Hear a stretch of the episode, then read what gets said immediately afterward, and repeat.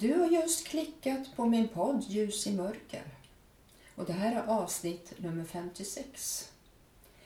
Jag heter Charlotte och vill gärna berätta om min tro och ta med dig på en liten resa genom att studera vad Bibeln, Guds ord, säger. Välkommen!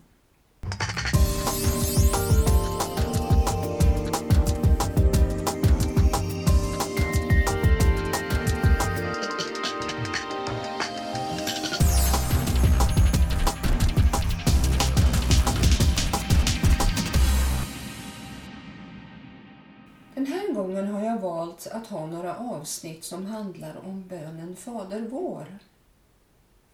Och jag tänker dela upp bönen i olika avsnitt och börjar från början. Fader vår som är i himlen. Helgat varde ditt namn.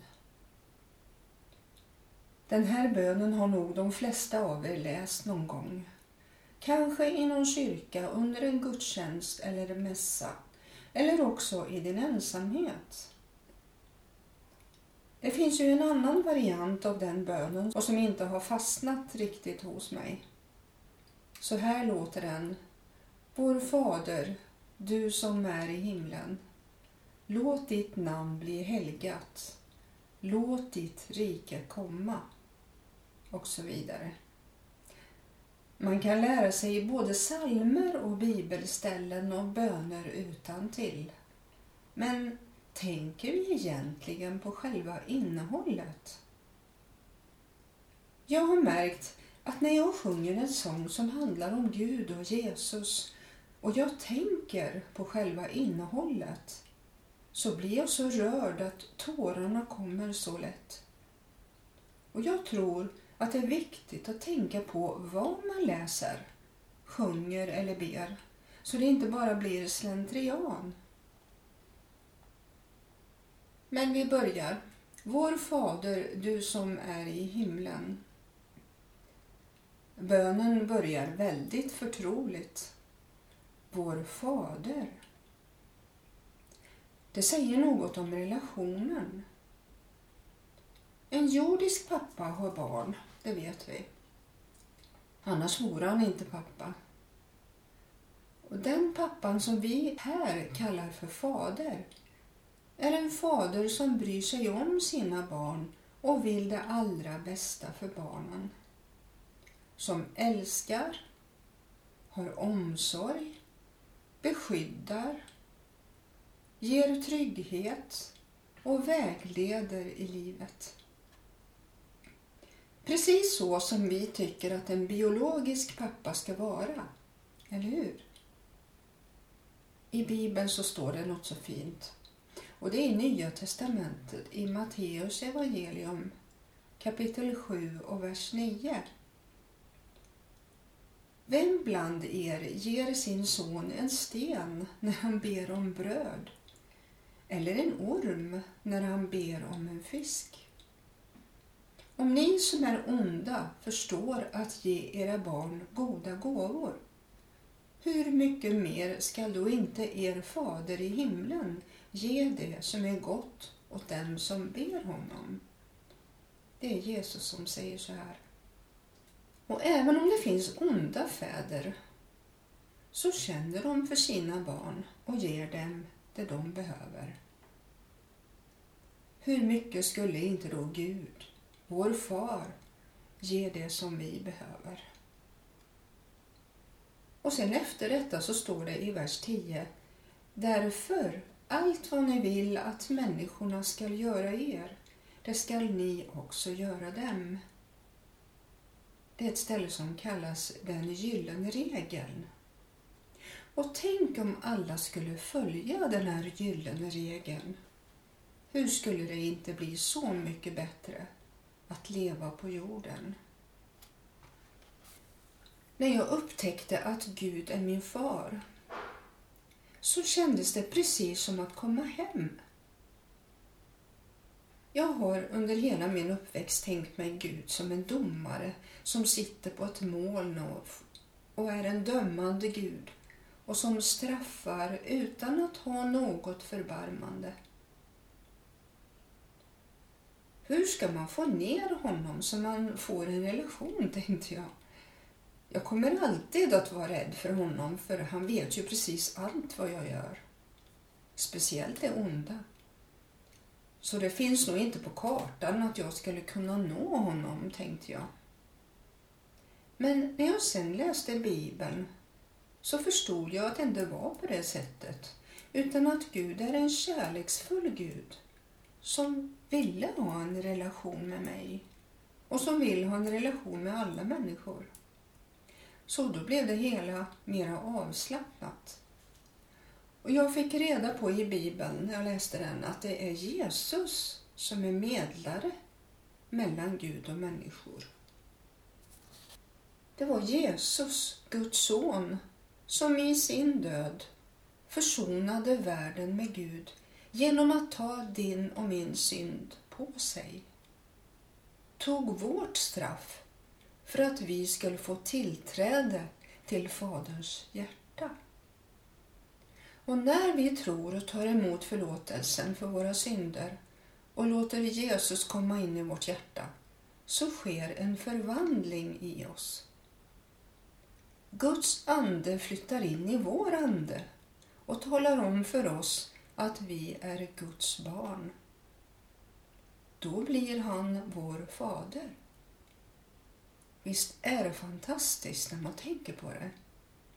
Och detta är verkligen ett mirakel. När vi ser den värste syndaren som hamnat så djupt och varit så fast i ondskan få uppleva det här, då måste det ju vara Gud som gör det och ingen människa. För det finns ingen människa som kan förvandla sig själv på det sättet. Utan det är verkligen ett stort under som sker. Och det finns så många vittnesbörd om just detta. Människor som har fastnat i droger och kriminalitet och har fått uppleva Gud, att han är en levande Gud som vill vara deras far. Och vi har ju ett jättefint exempel och det är ju Sebastian Staxet som du säkert har hört talas om. Han är ju helt fri från droger och kriminalitet. Och han lever för Gud och han brinner för att vinna andra människor som kan få uppleva samma sak. Det får mig att tänka på en sång som heter Att komma hem. Och den går så här. Som när ett barn kommer hem om kvällen och möts av en vänlig famn. Så var det för mig att komma till Gud. Jag kände att där hörde jag hemma. Det fanns en plats i Guds stora rum. En plats som väntade på mig. Och jag kände, här är jag hemma. Jag vill vara ett barn i Guds hem. Ja, precis så kände jag. Och nu kan jag be Fader vår som är i himlen och uppleva en nära relation med honom. Nästa mening i bönen Fader vår. Helgat var det ditt namn, eller låt ditt namn bli helgat. Det betyder att vi ska låta Gud vara helig för oss. Han har sagt i sitt ord, ni skall vara heliga, för jag är helig. Jag tänker på ett av tio Guds bud. Och det är detta, du skall icke missbruka Herren din Guds namn. Jag tror att detta hänger ihop med att vi ska hålla Guds namn heligt i våra hjärtan. Jag minns när jag blev frälst hur det förändrade hela mitt tankesätt. Jag slutade helt med att använda svordomar, olika kraftuttryck. Men det innebar också att jag såg att det var fel att missbruka Guds namn som ett kraftuttryck. Tidigare så brydde jag mig inte så mycket om det, men när Guds ande flyttade in i mig så skedde en transformation i mina tankar och uttryck. Helt klart. Ibland så kan det hända att det finns kvar hos vissa personer som blir frälsta. Men om vi ber om att få hjälp av den heliga Ande, att kunna sluta med det, så börjar det i vårt hjärta. Av kärlek till honom som har skapat oss så vill vi inte ha en sån vokabulär. Det blir någon slags reningsprocess inom oss som vi ska ta vara på. Och Det finns ett uttryck som många idag använder här i Sverige nu för tiden och det är Oh my God som brukar förkortas OMG. När något är storslaget, till exempel. Man kanske inte tänker på dessa uttryck utan det blir en vana att säga det. Jag har också upptäckt att ju mer vi är i Guds ord, alltså äter det varje dag, så gör det att vi tänker som Gud tänker. Och en sak som vi ofta gör, tror jag, är att vi talar nedlåtande om oss själva. Man tänker så här, eller säger Åh, vad värdelös jag är. Vad kass jag är. Och vad jag är ful. Tjock. Mager. Grinig och så vidare. Men vi behöver få in Guds tankar om oss. Och vad säger han om oss? Jo, vi kan läsa i Matteus evangelium kapitel 10, verserna 29 till 31. Och det står det att vi är värdefulla. Säljs inte två sparvar för ett kopparmynt och inte en enda faller till marken utan er faders vilja. På er Eh, till och med alla hårstrån räknade.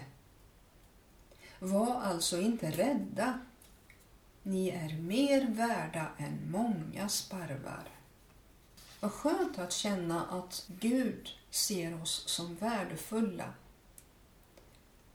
Och sen står det i psalm 139, 16-17 att han har omsorg om oss. Dina ögon såg mig när jag ännu var ett outvecklat foster. Alla mina dagar blev skrivna i din bok. De var bestämda innan någon av dem hade kommit. Hur outgrundliga är inte för mig dina tankar, Gud? Hur stor är inte deras mångfald? Om du vill så kan du läsa hela salmen 139 för den handlar om att Gud såg oss redan när vi var i moderlivet. Och sen står det i Efesiebrevet kapitel 2, vers 10 att vi är förutbestämda att bli hans barn. Han har alltså en plan för varje människa att bli ett Guds barn. Så här står det. Liksom han innan världens grund blev lagd har utvalt oss i honom för att vi skulle vara heliga och fläckfria inför honom, alltså inför Gud. I sin kärlek har han genom Jesus Kristus förutbestämt att vi skulle tas upp som hans barn enligt sin vilja och sitt beslut. Så fantastiskt! Vi kan vara säkra på att Gud vill ha oss som barn. Och sen står det i psalm 94, vers 14 att han överger oss inte. Ty Herren förskjuter inte sitt folk. Han överger inte sin arvedel.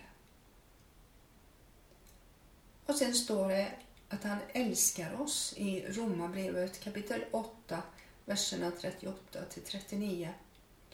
Ty jag är viss om att varken död eller liv, varken änglar eller furstar, varken något som nu är eller något som skall komma, varken makter, höjd eller djup, eller något annat skapat skall kunna skilja oss från Guds kärlek i Kristus Jesus, vår Herre. Alltså Gud älskade ju oss först. Och därför så ville han att Jesus skulle gå i döden, ta vårt straff på sig, på korset, för att försona oss med Gud. Och det är det största, högsta beviset på kärlek. Att man dör för någon annan. Alltså vi behöver ta till oss det Bibeln säger. Det Gud säger, Gud Fadern säger om oss. Och inte tala nedlåtande om oss själva. För det drar ner oss. Det får oss att tro mer på vad vi själva säger än vad Gud säger i sitt ord. Så Guds ord ska marineras i oss så att allt vi tänker, säger och gör ska vara i enlighet med hans tankar. När det står talas om Guds helighet så läste jag i bibellexikon i studiebibeln och det står det så här. Kanske är lite krångligt men om du lyssnar riktigt noga. Guds helighet är inte en enskild egenskap i den bibliska gudsbilden utan en sammanfattande beteckning. Ett uttryck för Guds väsens fullhet och fullkomlighet. Helighet är uttryck för Guds gudomlighet och etiska fullkomlighet.